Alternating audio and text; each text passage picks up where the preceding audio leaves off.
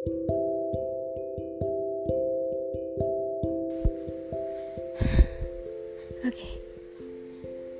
kali ini agak berbeda dengan cerita-cerita sebelumnya. Aku, Fanny Valianti,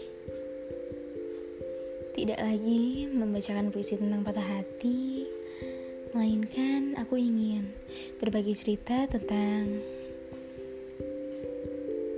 bagaimana awal pertemuan aku bisa bersama dengan sosok yang menemaniku hingga kini. Iya. Deva Pradana Dinata. Seorang laki-laki dingin, kaku, tetapi kalau sudah denganku, tak tahu malu. Bermula sejak aku beranjak 14 tahun, kita memulai hubungan persahabatan. Diawali dengan curhat-curhatan, lalu rasa nyaman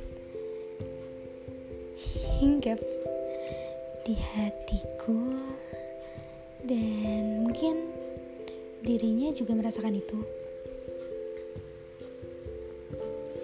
Beranjak 15 tahun, ia mulai mengungkapkan perasaannya kepadaku.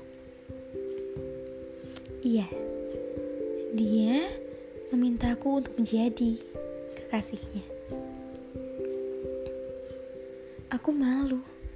Bahkan aku tidak menyangka akan diperlakukan seperti itu. Tapi bagaimana? Aku sedari dulu juga sudah menyimpan perasaan itu. Lalu aku menerimanya sebagai pendamping hidupku. Lagi-lagi kau tahu,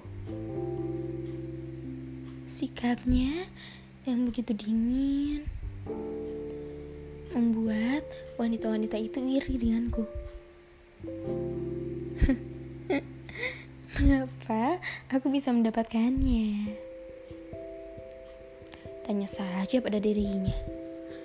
Mengapa juga bisa suka denganku?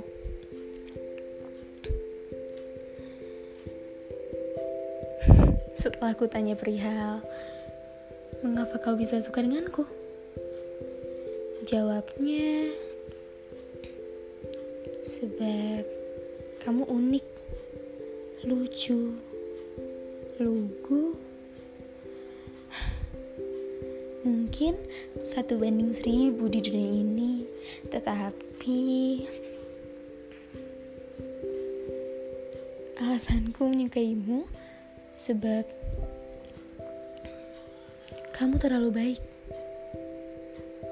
Iya, dia pernah bilang bahwa kenapa sih bisa-bisanya kepikiran ngasih makanan kucing yang ada di jalanan atau membawakan makanan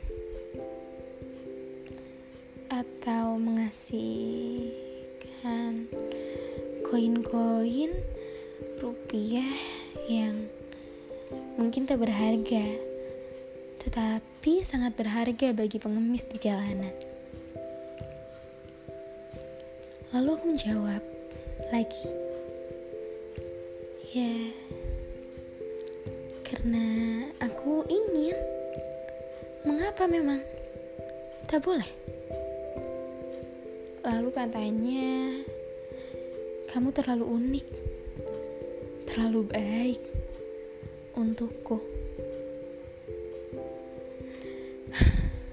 Untung saja ia tidak terlalu mengutamakan fisik. Karena pada awal 2020 aku mulai menginjak masa insecurityku. Iya, wajahku yang berjerawat, tubuhku yang sangat amat besar, membuatku tersadar bahwa aku tak pantas jika disandingkan dengannya. Mungkin ini hanya singkatnya.